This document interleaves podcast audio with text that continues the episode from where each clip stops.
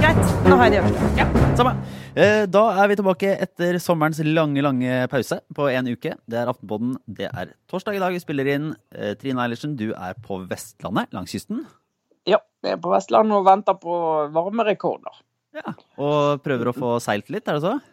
Ja da, her er det seiling og båt og sånn det går i.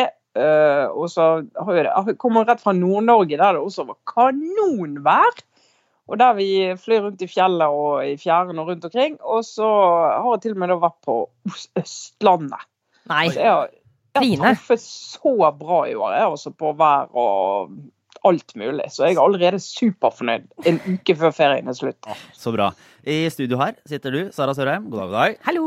Du har bursdag i dag. Gratulerer. Ja! Takk. Tusen takk. Kunne ikke tenke meg noe bedre enn å feire den her sammen med dere. Ja, det er fint. Jeg sitter her. eh, Lars Glomnes har bare én dag igjen før ferien. Eh, så jeg bare seiler inn i det. Men eh, det har skjedd litt. Vi skal snakke litt om England, litt om Trump, litt om eh, norsk valgkampstart. Mm. Eh, NRK Satiriks og diverse. Men vi må jo starte med Boris Johnson, nå kronet eh, som statsminister i Storbritannia. Storbritannia. Eh, jeg så nettopp den første debatten i Underhuset, der han eh, var i gang. Eh, og det er jo det er fascinerende å se. Det omtales jo litt sånn rundt i verden som et, eh, nok et dommedagstegn. At denne hva skal jeg si, eh, eh, overklassekløna skal, skal ta tak i tømmene og prøve å styre brexit-prosessen. Eh, Det blir veldig spennende å se. Hvordan eh, ser du det i dag, eh, Sara? Eh, Jeg er for så vidt kommet meg over Altså, jeg fikk en, en av mine kollegaer i NTV kom bort til meg og ga meg en slags sånn trigger-warning noen minutter før han skulle holde talen ute på Downing Street, og bare var sånn Nå må du, nå må du bare forberede deg mentalt. Det har skjedd. Vet, nå skal du se det. Så satte jeg meg ned og så talen, talen han holdt utenfor døra, og um, uh, det må jeg jo si. Boris Johnson er aldri kjedelig å høre på. Så hvis jeg skal prøve å være litt positiv her, så kan jeg si at eh, Og han er også fryktelig sjarmerende. Rett og slett. Så um, kanskje dette kan bety en slags sånn ny giv i britisk politikk, eller at flere velgere kan på en måte bli opptatt av politikk fordi de har en karismatisk og eh, sjarmerende statsminister. Altså, jeg klarer faktisk å se Og dessuten, det er eh, sånn rent journalistisk veldig gøy å prøve å være den som treffer aller best på å beskrive den ubeskrivelige eh, Boris Johnson. Eh, Veldig sånn mange det- gode forsøk der ute. Og det var det jeg hadde å si av positive ting om Ja. det. Hvordan er det, eh, Trine, er det, lar du deg sjarmere av Boris Johnsons guttaktige sjarme og ville sveis?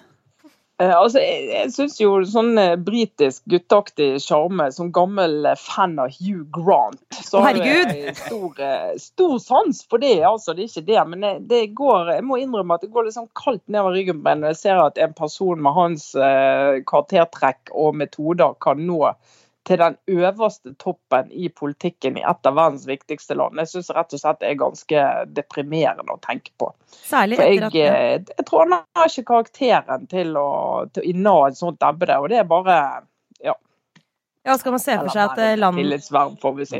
en slags sånn dominoeffekt av at eh, først skjedde det i verdens mektigste land, og så altså med Trump, åpenbart. Altså en, en, en person på toppen uten uh, tilsynelatende noen av de evnene som skal til for å kunne inneha det embetet. Og så skjer det i det man i hvert fall i noen sammenhenger godt kan kalle liksom, verdens nett, nest mektigste land. Så jeg som bare venter, jeg vet ikke hvem som blir den neste på lista, det er kanskje Tyskland. Men altså, det er litt sånn um, fascinerende og skremmende å se at det er mulig å gjøre ukunne og nonsjalanse til en fordel for seg i, i rollen som statsleder. Eh, og ikke engang prøve å skjule det, men faktisk liksom, tvert imot nesten være litt stolt av. Eh, jeg er ikke som de andre. Eh, jeg kan ikke noe om det her, jeg. Ja, altså jeg, jeg er absolutt blant de som ser at politikken kan ha behov for både fornye seg og politikere som tenker nytt og ser nye velgergrupper og, og forstår folk på en annen måte. Men jeg bare tror ikke på svarene til disse karakterene, for de orker ikke å sette seg ordentlig inn i ting. Og folk som ikke orker å sette seg ordentlig inn i ting, det har jeg veldig liten tro på. Takk, over og ut. Men det som, det er jo, eh, han har jo allerede tatt eh, grep. Du har byttet ut uh, store deler av regjeringa. Uh, Fått inn det som nå sies å være en altså, solid brexit-gjeng.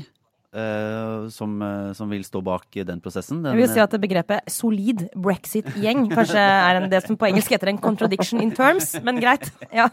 Ja, så nå skal jeg jobbe fram mot fristen uh, 31. oktober. Eh, men det er også en, en gruppe som nå får oppmerksomhet fordi at det er solid eh, altså politisk, eh, liberalistisk høyreside, eh, markedsorientert. Ikke så stor grad som, som Trump-universet, egentlig en sånn nasjonalistisk. Eh, det beskrives jo mer som en som klassisk litt sånn britisk overklasse, eh, konservativisme, frihandelspolitikere. frihandelspolitikere. Og det var jo en interessant, eh, interessant artikkel som vi kan også dele på Facebook-sida og, og lenke til, eh, som pekte litt på at, at de ser nå en mulighet til å endre Storbritannia ganske dramatisk i de tumultene som kommer til å komme.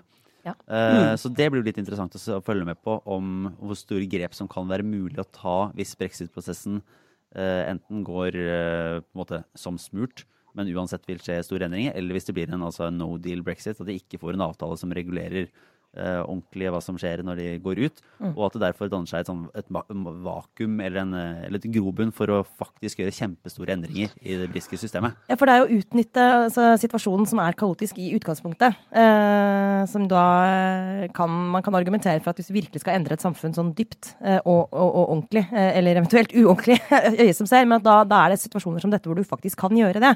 Eller så har du et maskineri som, som går sin gang. Altså krevende å liksom gjøre store U-svinger. Men de folka han har fått eh, inn nå, er jo eh, Jeg vet ikke om det er riktig. altså Det er vanskelig faktisk å sette en helt sånn korrekt merkelapp på dem, sånn hvor, hvor de er på den politiske skalaen. Men jeg tror ikke det er riktig nødvendigvis å kalle dem for mørkeblå eller erkekonservative eller noe i, i den dur, men det er jo egentlig eh, Kanskje jeg skal kalle dem kanskje for ny-Thatcher, altså Thatcherianere. Eh, vokste opp og vært barn, eh, så vidt jeg kan huske liksom Margaret Thatcher. Åpenbart mange der som har hatt henne som sitt store eller politiske idol.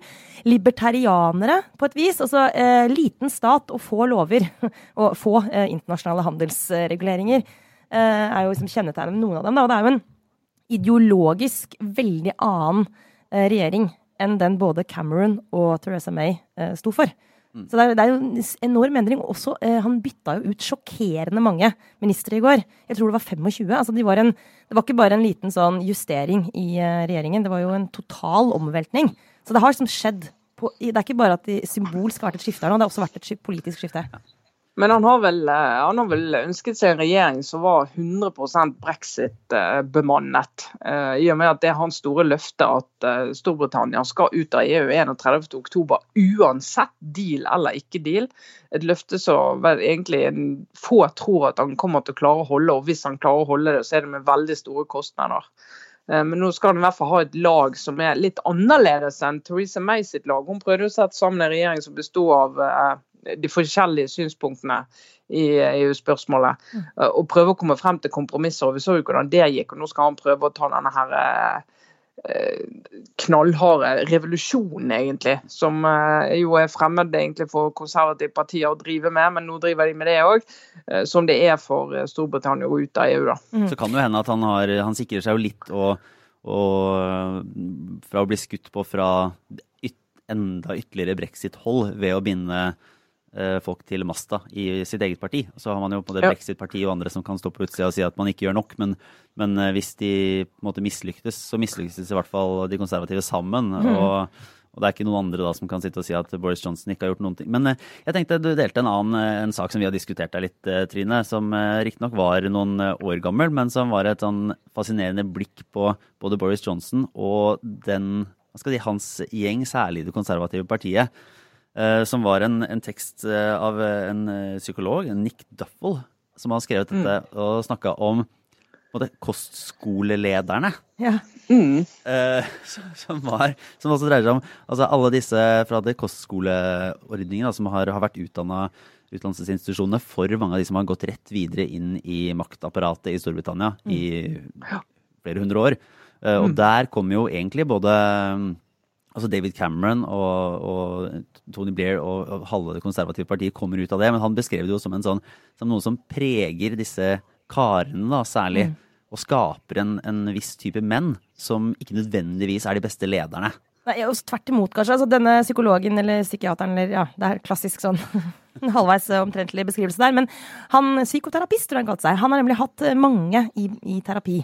Eh, hevder han selv, i hvert fall. da. Så vi får, får ta han på ordet der, kanskje. Men, og sier at det er noen sånne, eller han hevder da, som fagperson at det er noen personlighetstrekk du finner igjen hos disse mennene som har blitt forlatt av sin mor, eh, og og også sin far, men uh, dette er jo familier hvor mor kanskje har vært liksom primær omsorgsperson. Mulig jeg er litt sånn dømmende nå, men, men uansett så har blitt sendt av gårde fra familien. da. I veldig ung alder. og har måttet takle det. Og det er en for de aller fleste veldig vanskelig situasjon å bli satt i som et barn. og det er en så stor mental altså, Det er så vanskelig mentalt at det setter så store spor i den voksne gutten. For det er det han beskriver det som. men men som egentlig styres av gutten inni seg, som bare aldri har kommet over det faktum at eh, han ble forlatt av sin mor, og har måttet lære seg å være en bølle for å overleve på disse grusomme kostskolene. Nei, Det var fascinerende å lese. Tror du det stemmer, Trine? Eller altså, du altså, som psykolog. ja, nei, hva vet jeg. Syns det var morsomt å lese. Utgangspunktet hans var jo eh, David Camerons lederskap. Uh, og der han, der han, sier at David Cameron mangler en del altså, ikke bare sånn, handler ikke bare om personlighetstrekk, men han handler også om ferdigheter. også sånn Relasjonelle ferdigheter. altså En moderne politiker som selvfølgelig må kunne akseptere mangfold eh, i, i, ledergruppen sin, om du kan kalle en regjering for det. Eh, åpen for kvinner må de være, åpenbart. Er, hvis du vokste opp på kostskole, så mener han da at det har du ikke en naturlig forutsetning for å ha, for du er egentlig flasket opp i et rent mannsmiljø. Kvinner er jo kjempefremmed. Ja, og så han, eh, sier han at denne relasjonelle biten som handler om å inngå kompromisser, om å lytte og virkelig genuint gå ut og, og få med seg det andre, andres erfaringer og det de er opptatt av å ta det med inn i politikken. Eh, det er en del, eh, det er disse, Mange av disse guttene her Han driver med litt sånn kollektiv fjerndiagnostisering, ja, men jeg syns likevel det er en del interessante observasjoner der. Da. Han sier det at de, de klarer ikke helt det.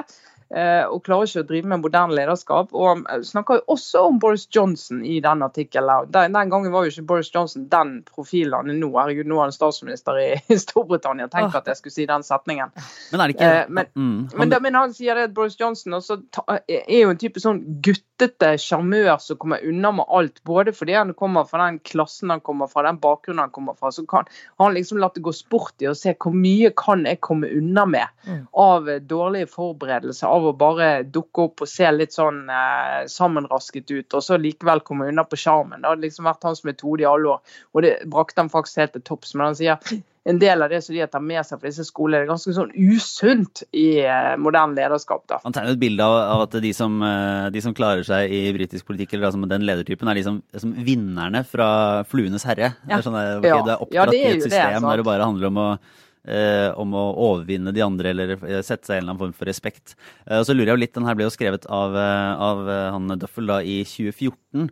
Så liksom hva han, Det har vært nesten interessant å høre hva han tenker om at det han da omtalte som en utdatert lederstil, jo faktisk i noen år etter da har fått en Donald Trump og en Boris Johnson. Altså to som er sånn som kanskje preges mer enn noen andre internasjonale politikere av å av å kunne virke som litt sånn, der, ja, sånn guttemenn. Som mm. eh, Mannebabyer. Ja, spiller på noe litt sånn ur... Eh, evneaktige ting. Ja, og som lykkes, som lykkes, med det. Altså, som, som får, blir møtt med så mye eh, velvilje eh, gjennom. At det være sånn eh, eh, tilsynelatende, da, som vi har vært inne på flere ganger nå, sånn helt sånn eh, sjarmerende, men eh, kunnskapsløs. Og det er jo en annen artikkel som en av våre lyttere delte på vår Facebook-side, som vi kan dele legge den ut en gang til, altså, men som, helt, som, jeg har kost meg med i dag, men som også er ganske skremmende.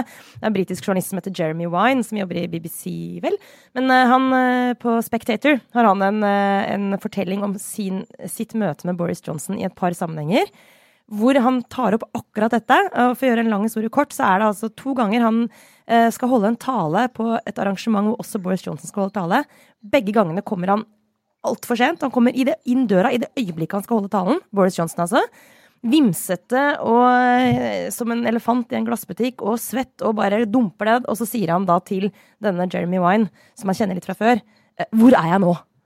Og så kjenner han liksom på hvordan det går kaldt nedover ryggen, og bare herregud, han skal holde talen om ett minutt, han vet ikke hvor han er engang.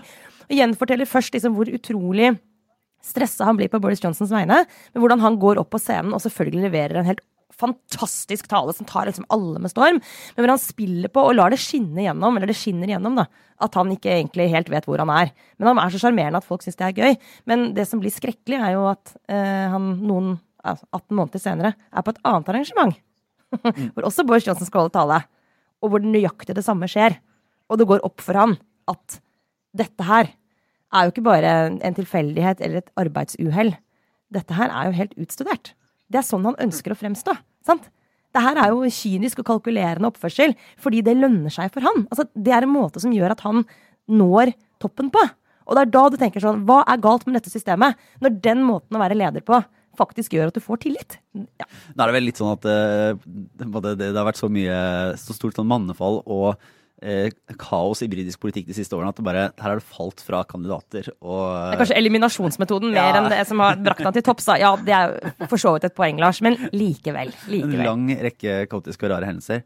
Nei, men eh, vi, Mens vi er inne på da eh, tilsynelatende smått uh, ustabile, eller i hvert fall uforutsigbare internasjonale ledere, så har det jo brutt litt gjennom ferielydmuren. En viss herre fra Washington DC også, Donald Trump, har, har ført til ny debatt. Det var en av de sakene som du plukka opp fra din tid i ferieparadiset Vestfold, Sara?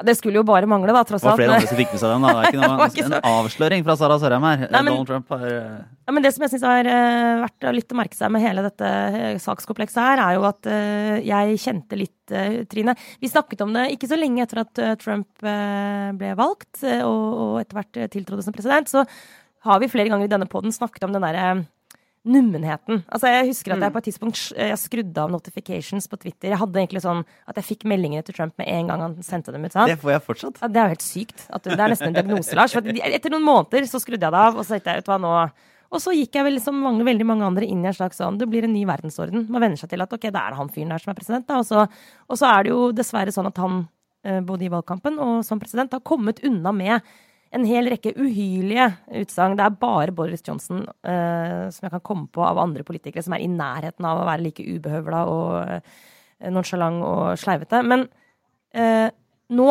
med denne saken, først om altså disse fire kongressmedlemmene som han, som han mente at burde reise tilbake der de kom fra, og så med denne, dette rallyet, altså dette folkemøtet, hvor Trump-tilhengerne begynte å, å rope 'send her back' da kjente jeg faktisk at den der eh, nummenheten forsvant. Da ble jeg redd. Det, jeg var, det helt, altså, at det skjer i uh, USA, er, det er helt forferdelig. Ja. Da, kjente, da, kjente, jeg faktisk at nå, dette må jeg på en eller annen måte forholde meg til. Jeg kan ikke tillate meg, bare som samfunnsborger, å tenke sånn ja ja. Det er jo liksom, det er sånn det har blitt. Nei, men det kan vi bare ikke akseptere. Så den, Uten at det nødvendigvis har en dritt å si hva jeg måtte føle og tenke rundt det. Men, men jeg erkjenner i hvert fall at liksom, så drøyt måtte det bli før jeg ble sånn røska tilbake i ja. en sånn annen si, tilstand. Kanskje fordi jeg fått de, fortsatt får de uh, tikkende inn på mobilen hver gang uh, Trump tvitrer twitterer et eller annet, som uh, jeg kan muligens bør slutte med. For, det, for det, jeg, da jeg så det kom, de første twittermeldingene som var en sånn utblåsing da, mot disse fire demokratiske kongresskvinnene, så da var det ikke sånn at de rykka sånn kjempemasse i Du tenkte sånn 'send dem hjem', ja ja, er det så Ja, jeg tenkte at det er jo akkurat det han ville si om noe sånt. måte. Det var ikke sånn du tok det med på sånn her dette var omtrent det man kunne forventa, liksom? Ja. ja. Mm. Og så, så, ser jeg jo at det er jo en, eh, det er en, en dum holdning å ha. For det, det, er jo, det er jo på en måte her Det går jo over i både liksom politisk og menneskelig og moralske større spørsmål. Da. Men jeg er jo litt samme da jeg så den altså, eh, dette folkemøtet i Nord-Carolina, der folk står og roper, det er mørke saker. Da, da, da grøsser man litt. Men er det, når vi ser det, ok Trine, tenker vi at ja, ok, vi lar oss forferde. Har det noe har det noe å si? Altså, hva, hva, hva kan man gjøre, altså- eller hva, som, hva, ligger i det her som sånn faktisk eh, hendelse? Nei, altså jeg tenker jo, det, det, er jo sterke reaksjoner i USA, da. Det er jo for så vidt det viktigste. Eh, men det er klart det er jo, eh, det er jo en del av den der altså, abnorme polariseringen som de står midt oppi. Så, altså, nå han, Etterforsker Müller han lot seg jo avhøre av Kongressen her i, i går, var det vel. Eh, og når du ser hvordan eh, demokratene og republikanerne egentlig agerer nå, da, så er det sånn 100 polarisert. Selv ting som skulle fremstå som helt greie faktum å være enige om, er det ikke mulig å være enige om. Sånn at Dette går liksom bare inn i et bilde der selv republikanere som vanligvis ville reagert med ryggmargsrefleks på at det her sånn går ikke an å si. De er så på så kort tid egentlig blitt en del av, andre, av en leir at de ikke kan si det. Og de mener det faktisk ikke heller. De mener det at det er ikke så ille å si. Dette må vi tåle. Vi må jo ha en god debatt. Og det er, det er jo det som er litt sånn Det jeg lurer på, det er jo det samme litt sånn Og jeg mener faktisk at det er litt urettferdig å sammenligne Boris Johnson med, med Trump på mange måter. For Boris Johnson han har jo faktisk fulgt litt med, i hvert fall. Kan litt. og selv om jeg ikke kan så mye om akkurat det han burde kunne. Men, mm. men det liksom lurer på, når pendelen svinger tilbake, hvor svinger han da? Hva blir reaksjonen på dette? For altså, Velgerne vil jo finne ut at dette bringer oss ikke videre. Og mm. hvor eh, skal pendelen svinge da? Og det, Jeg håper jo det ikke er så lenge til, men plutselig så er det gått ti år, liksom. Ja, men Problemet er jo at uh, det, er, det, er, jo den polariseringen den, Det er jo ikke gitt, Trine. Altså, det kan jo være snakk om veldig, veldig få stemmer som, som avgjør måte, hvilken side som vinner. Eh, mm. Det eneste som virker tydelig nå, er at det blir uh, uansett vanskelig å skulle forene noe som helst. Boris Johnson snakket for øvrig i sin tale utenfor Downing Street 10 i går veldig mye om at nå var jobben hans å forene nasjonen. Ingenting når det gjelder hvem han har valgt som statsråder, tyder på at han har tenkt å gjøre det. Som mal, mm. et malapropos. Men, men, men, med Trump så er det jo eh, fortsatt dessverre sånn at pga. hvordan disse valgdistriktene er oppdelt, eh, så kan det like så godt uh, være han som blir gjenvalgt som akkurat nå, da. Mm. Basert på akkurat nå, hvordan det ser ut på meningsmålingene i USA, så er det ingenting som tyder på at det er noe sikkert i det hele tatt at ikke Donald Trump blir gjenvalgt. Mm. Nei, tvert imot. Uh, tvert imot. Så det, det her, fordi, og, og, da er det også litt sånn at når uakseptable ting skjer da, så, så uh, har jeg egentlig ganske lenge tenkt sånn at det blir jo bare fire år. Så vi får bare holde mm. ut. Men, men, som du var inne på, Trine, det kan godt hende at det blir veldig mye mer enn fire år. Uh, og da tror jeg faktisk at det er riktig det Jonas Gahr Støre sa. I, I, det som jeg syns var en ganske god tale fra han i år på, på Utøya i forbindelse med 22. juli-markeringene, så snakket han jo Og, og, og de, det også skjedde jo da i lys av dette, ikke sant? Noe som gjorde den mm. dagen uh, mye mer Altså det satte den dagen i et enda mørkere lys enn det den normalt eh, er i, uh, syns jeg. Sånn stemningen nå i global politikk er jo er ikke god. Uh, og Støre snakket jo veldig mye i sin tale om at holdninger blir til handlinger noen ganger. Ikke alltid, men det er en sammenheng der. Uh, så heldigvis sjelden så ekstrem som den var på 22. juli. Men, men, det har han jo rett i. Og da må man i samfunnet, selv om det kan føles tomt og meningsløst, og liksom reagere med ord eh, mot ord, men det må man bare gjøre. Ja, det er ser, en ja, for plikt. Jo, den, den, her var det Donald Trumps eh, tweet og, og, tale og ord om her var det altså Ilan Omar, som er født i Somalia og nå er representant fra Minnesota. Uh, så måtte, hvis han ikke hadde tvitra og gjort det han sa som bare er ok, Han bare sa noe, det var jo sosiale medier. har ikke gjort noe. Ja, det er bare liksom. ord, liksom. Kan det være så, så farlig? Hadde ikke, så hadde jo ikke det stått da Jeg vet ikke hvor uh, altså Så hadde ikke stått store folkegrupper på sånne møter og, og ropt 'send henne hjem'. Nei. Så det, får jo en, det går jo ganske fort sånne konsekvenser. Men hvis det hadde skjedd i Norge, hvis en statsråd hadde nå da for, for regjeringen hadde sagt f.eks. for eksempel, Hadia Tajik, da, som opposisjonspolitiker og, og med norsk-pakistansk bakgrunn, hadde sagt sånn ja, Hvis ikke liker hva regjeringa gjør, så kan du bare dra hjem, da. De hadde jo, ja. det hadde jo ikke Det hadde ikke vært det er, ingen, veldig, det er ingen som hadde sittet i regjeringspartiene og forsvart det, tror du det? Nei, altså, da, da, tror jeg ikke engang Erna Solberg ville sagt Jeg ville, ville ikke bruke de ordene. For, fall, for, for inderlig, for guds skyld håpe, i hvert fall. Ja. Nei, sant. Altså, det, det, er å passere en grense. da, for Det du gjør, da, det er at du undergraver legitimiteten til en politisk motstander med å si at du er egentlig ikke lojal til vårt samfunn. Uh, og det er, ganske, det, det er en veldig veldig grov anklage mot en politiker som er valgt av, av velgere i et land. da. Mm. Og jeg, jeg, Debatten ble jo selvfølgelig, sånn som den ofte blir, eh, handlende om hvorvidt det var et rasistisk uh, utsagn eller ikke, det som Trump uh, kom med. Uh, og om Trump er rasist eller ikke. Og det er en debatt som er utrolig destruktiv, fordi det, altså den, den, den, den, kan på en måte ikke bli god. Da er det to parter som sitter og skriker til hverandre. Og da kjente jeg at det, det irriterte meg at det ble debatten i stor grad etter disse hendelsene. Fordi det er egentlig helt irrelevant å karakterisere og bruke masse tid på å liksom, finne ut av hva er riktig valør å bruke på det utsagnet. Eh, konsekvensen her er uansett hva som var intensjonen. Når du, når du skriver, type, når du begynner å spille på det med etnisk opphav, og som Trine sier, begynner å stille spørsmålstegn om hvor lojaliteten din ligger, ligger den egentlig i liksom, USA, da, da, er, da spiller du direkte på både fremmedfiendtlige og rasistiske strømninger. Og det er uansett uakseptabelt, samme hva intensjonen var. Uh, og det skulle jeg ønske at vi hadde snakka mye mer om, enn liksom å bruke på masse bortkasta tid på å slenge liksom begreper i hodet på hverandre. Det, ja. Vi hopper videre til den uh, Jeg vet ikke om vi skal kalle den uh, norske valgkampen heller. Er den i gang? Det har vært noen som begynte å løpe rundt og Erna Solberg har vært på Prekestolen og Vi har brukt mye tid i Norsk eh, kongelig telegrambyrå denne ja. uka faktisk på å prøve å finne ut av akkurat det. Folk skulle bare visst hvor mye jobb det kan være å bare finne ut av den enkle tingen. Har valgkampen begynt? men det offisielle svaret, så vidt vi kan forstå, er sånn Nei, den har snikbegynt, men egentlig er det nå, i, hel i helgen, begynner Jonas Gahr Støre liksom valgkampen. Eh, og på mandag er alle andre i gang, og i løpet av den uka som kommer nå, så skal liksom alle partiene ha det de kaller for sine kickoffs.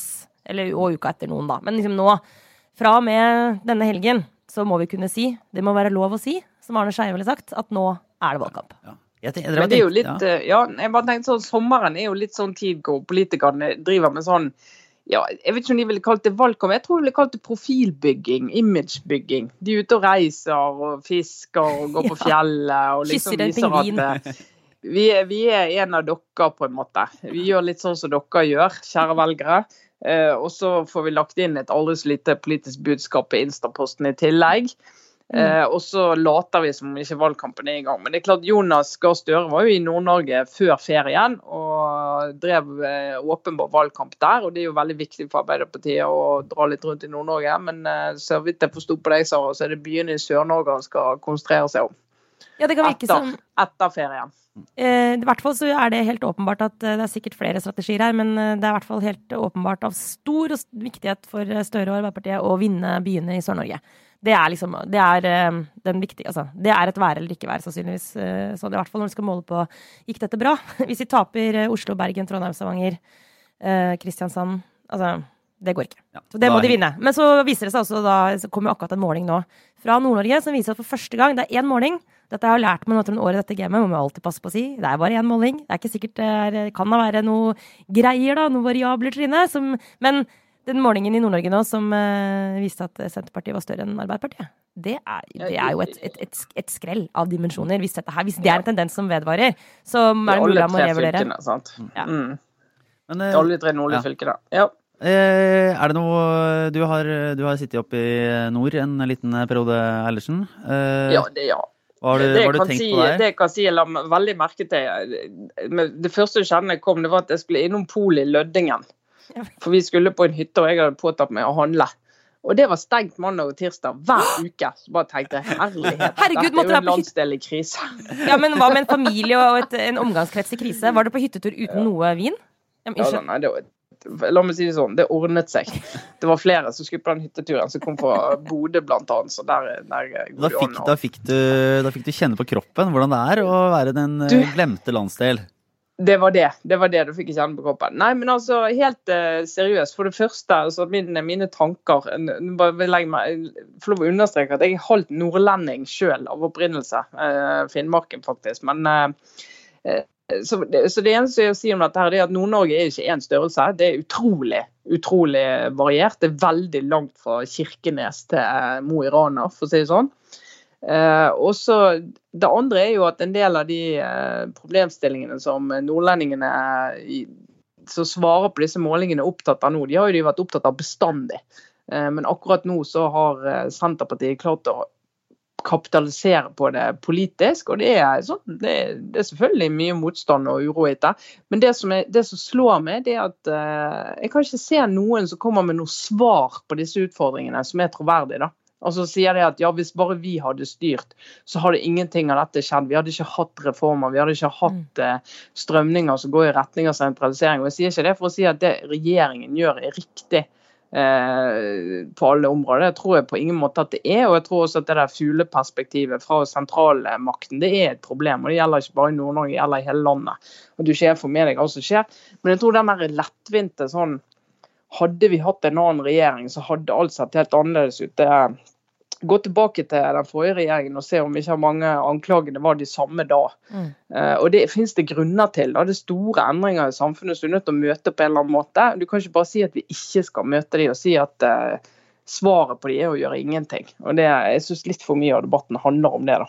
Mm. Men der er jo, jeg synes jo Mathias Fischer, kommentator i TV 2, var litt inne på Men det var mer på retorikk enn en realpolitikk. Men altså hvordan tross alt eh, altså Vedum er i hvert fall veldig konkret, Trine, i i sitt budskap. Altså Han snakker om eh, nærpoliti, hva heter det, reformen ja, og, og, Problemet til Vedum, eller det er jo ikke et problem, for det går jo kjempebra, det er at han er veldig god på å, å ha solidaritet med en problembeskrivelse, men jeg ser ikke svarene, da. Nei. Nei ikke og det utfordres, ja. utfordres han jo heller ikke på. Men Støre er jo ikke altså Han sammenlignet eh, Vedum og Støre sin eh, retorikk i møte med altså Når de snakker om nordområdene, hvor, hvor, hvor, hvor Vedum er veldig direkte da, på folks hverdag. Eh, og om ikke annet hvert fall, liksom, er veldig tydelig på å anerkjenne problemene og i hvert fall late som da, Trine, at de har en løsning på det. Men Støre er veldig veldig opptatt av Nord-Norges strategiske plassering i et mye mer sånn globalt perspektiv. Eh, og snakker mm. veldig mye om liksom, også sånn eh, strategisk også for Norge. Snakker, og, og, selvfølgelig snakker veldig mye om sin sånn åpenbare kjærlighet til landsdelen osv. Men, men Fischers poeng, som, nok er, nok, som jeg tror er ganske godt, er at uh, det er sånn ja vel, men det har ingenting med vår hverdag å gjøre. Og da sliter du veldig med å få gjennom noe som helst, da. Og det mm, kan jo bli en, det kan bli interessant å se videre i valgkampen. Hvis det fortsetter sånn, så kanskje Vedum Ja. Mm. Se, eh, Sara, du da. Hva har du, hva har du, tenkt på? Hva har du reflektert over eller går du inn i helgen og tenker litt på? En Nei, obligatorisk refleksjon fra Sørheimen? Ja. ja. Jeg er glad du ikke spør sånn har du reflektert, Sara? Nei, nei, nei, nei, det foregår jo litt refleksjon midt imellom slaga. Nei, du, jeg, um, jeg, sett, noe, jeg satte meg faktisk ned og så den sketsjen til NRK Satiriks. Har du fått med deg den saken der borte på ferien din, Trine? Ja, den har jeg sett. Eh, fordi selvfølgelig, som så mange andre, så fikk jeg eh, bare Jeg fikk egentlig med meg at det var mange som reagerte på en sketsj på NRK, eh, og at reagerte på hvordan liksom, jøder ble brukt, eh, slash misbrukt, eh, som liksom, eh, objekter i en, i en sketsj. Og så Sketsjen, kort forklart. en, en mann sitter og spiller Scrabble med ja. en da tydelig Med en gammel mann med kalott. ja. ja. Uh, og, og, sitter og får, uh, blir for kjeft eller tyn for å være treg og ikke spille ordentlig og ikke kunne legge inn noen ting. Og så sitter han da okay, og vurderer om han skal legge jødesvin som sitt ord, og dermed vinne spillet. Ja. Er det en omtale? Jeg har, jeg, har bare, jeg har, lest omtalen, jeg har faktisk ikke sett Nei, altså Det er jo da den såkalte sketsjen. Ja. Uh, og, det, ja, og det er animasjon, sant? Tegnefilm. Ja. Og det, jeg må, jeg, som, fordi at sånn har det blitt, så tenkte jeg jo selvfølgelig først at her har vi nok en sånn krenk og da kommer det en sånn krenksak. Og det er jo blitt en litt sånn omvendt greie rundt at jeg blir ofte bare sånn irritert på de som blir krenka. Jeg. Som en sånn der naturlig reaksjon. Sånn, Åh, det er for mye sånn her, vet du hva, Siv Jensen har på seg Pocahontas-kostyme. Det, det, det, det, er helt åpenbart ikke ment for å liksom hetse eh, Pocahontas-stammen. Så bare slapp av. og bare, for the record, eh, det var heller ikke disse uttalelsene, så nei, nei, og jeg vet ikke hva det er riktig å si på Pocahontas engang, men jeg syns jo det har bikka for langt over i den retningen her. Så jeg må jo innrømme at min første reaksjon var litt i den leia der. Jeg gikk ikke så veldig inn i det, men så så jeg at det var liksom ganske relevante ting som kom her og der av kritikk, og så gikk jeg inn og så så jeg på den sketsjen. Uh, det, altså, det der er så, den er så dårlig, og det er altså så sjokkerende at NRK har publisert dette makkverket av jeg synes jeg bare, altså, Apropos krenking, det å kalle det en sketsj er egentlig å krenke liksom, Det er en humorkrenk, rett og slett. Fordi det er ikke noe morsomt. Uh, det er ikke noe morsomt i det hele tatt, men dårlig humor kan man tross alt tilgi. Ikke, jeg ler ikke av alt som utgir seg for å være humor eller en sketsj. Men uh, den, den Det er ikke egentlig ordet jødesvin jeg syns er verst med det. Jeg syns det er den måten de karikerer denne eldre mannen på. som, en, som en tulling og som en idiot, og en som, en, som en mann som sitter her og håner den derre motspilleren sin, eh, som er bare sånn Det er 100% unødvendig. Og det spørsmålet jeg stiller meg når jeg ser den sketsjen, det er hadde de gjort det med en annen minoritet? Eh, hadde de, jeg kan ikke se for meg at de ville gjort det med en, med en same eller en muslim. Jeg bare lurer på liksom, hvorfor opplever NRK at det er greit å gjøre det med, med en jøde? Uh, og jeg er helt 100% sikker på at det overhodet ikke skyldes en, uh, noe annet enn en glipp. Altså, jeg tror jo ikke at de har sittet og tenkt sånn her Vi er jo egentlig antisemitter her. Vi skal kanskje lage noe antisemittisk. Altså, ikke misforstå meg nå, men at du ikke skjønner at det er underliggende ting uh, som du ikke veit om sjøl engang, men som former din egen vurderingsevne. sant? Og av en eller annen grunn så har de opplevd det som greit å legge ut dette her, og det er ikke greit. Og da må du stoppe å tenke er det sånn at det er lettere for oss å tulle med jøder enn med andre minoriteter? Og hvis svaret på det er ja, så må man tenke at da må vi jobbe med det. Skjønner du? Og ikke gjøre som Charlo Halvorsen, redaktøren der, som går ut og bare sier sånn Som alle mediepamper, svarte meg, må slutte med. Og si sånn Nei, vet du hva, vi beklager at dere ble krenka, men vi har ikke gjort noe feil. Mm. Å, det ble en lang rant, sorry, men dette Ja. ja. Ja, nei, men Jeg så sketsjene, jeg også. Og jeg, synes det var, altså, jeg skjønte ikke poenget. Hadde jeg ikke visst om den debatten, så hadde jeg bare tenkt hva er, hva er poenget med det her? Eh, og det er sånn, tenkte jeg, enkelt utstyrt i hodet som ikke skjønner humoren her. Men det var jo overhodet ikke morsomt. Og referansen var Så hadde det vært noe der som gjorde at jeg tenkte OK, skarpt. over grensen, men likevel en skarp mening som går an å forholdes til. Så hadde det liksom gått an å tenke at jeg kunne kanskje forsvart, men det her var jo bare utfattelig flatt og platt og dårlig. Skjønner, du som, skjønner du da som, som mangeårig medieleder, som av og til har måttet uh, gå ut og, uh, og fronte en sånn kritikk, skjønner du hvor Charlo Halvorsen kommer fra, eller er det ja, altså jeg skjønner jo hvor han kommer fra, men, men samtidig da, så har jeg både hørt medieledere og også gjort det selv sagt at uh, her har vi ikke sett hvordan dette kunne bli oppfattet, og den burde ikke vært publisert. Det, det, har jeg, det har jeg sagt, og det mener jeg er helt greit å si. For det betyr jo ikke at man med det, med det sier at det er ikke lov til å uh, lage humor som involverer minoriteter. Sant? Vi må ikke bare være så dumme at vi tror at det å beklage en sketsj betyr at du lager en sånn slags fatwa, liksom, hvor du ikke det er lov. Fordi det er selvfølgelig lov. Det er noe av det morsomste som fins. Og, og, og, og, i jødisk kultur det er nesten ingen som er bedre til å kødde med seg selv eller liksom lage spiss og morsom og frekk humor på vegne av seg altså, Så, det, så det, det, er liksom det er så idiotisk at man tror at ett et, en, en innrømmelse uh, er lik uh, liksom, uh, og blir bare verdens kjedeligste, at ingenting er lov lenger. Det, det er den der nyansen der. Så nok en gang kommer jeg hele tiden tilbake til det med at det er liksom ikke mulig med mellomposisjon. Det blir veldig enten-eller, da. Dumt.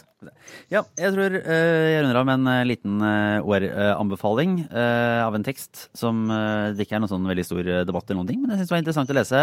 Eva Grinde i Dagens Næringsliv skrev om karakterpresset. Altså karakterene, for nå har det vært samordna opptak, og tusenvis og titusenvis av studenter har vært i gang og og sett om de har kommet inn på studiene sine eller ikke. Og hun skrev en, eh, en tekst som handla om den der hvor at det, at det, har på en måte gått litt eh, dobbelt eller gått litt galt i nå det der jaget for karakterer, og at karakterene som et måleinstrument og måte å sortere elever på eh, ikke fungerer optimalt når, når eh, elever går på studerer i flere år for å heve seg fra en femmer til en sekser. Da. Altså, det er ikke egentlig sånn at de bedrer evnene sine til å være en god medisinstudent, eller til å eh, bli psykologer. Fordi om de sitter og terper på eh, en privatskole i noen år og, og hever seg i takk. Eh, og tok til orde for å vurdere andre kriterier og andre måter å gjøre opptak på, som også vil gi en bedre representasjon. Da. Vi kan, kan røpe, eller vi kan jo kanskje dele, Lars, at vi var faktisk en liten, ei lita tur ute i Sommer-Oslo i går kveld og ble sittende og krangle litt om Uh, liksom, om karakteren i gym bør telle like mye som karakteren i norsk. Hvis vi skal inn på universitetet, da. Så skal ikke dra alle våre kjære lyttere med ned i den gjørma som den diskusjonen blei til. Men, men, det var jo da Det, jo, det kom opp da at det, å f.eks. bruke audition som en inntaksmetodikk da, til enkelte studier, er jo ikke helt far-fetched. Altså, det er helt åpenbart ut, altså, at uh, det fins andre måter og mer presise måter å vurdere noens evner på enn karakter i gym, ja. men også forskjellen på en firer og en femmer i matte, liksom. Ja, ja men det er jo ja. Helt naturlig at gym teller som karakter på lik linje med alle andre fag. men, men, det er jo, altså, det, det er jo jeg har, jeg har, På min lille reise rundt i, i, landet i sommer, så har jeg møtt faktisk alle stedene og snakket med foreldre av uh, tenåringer som uh, Eller og ikke lenger tenåringer, for de bruker jo år etter år på å forbedre karakterer.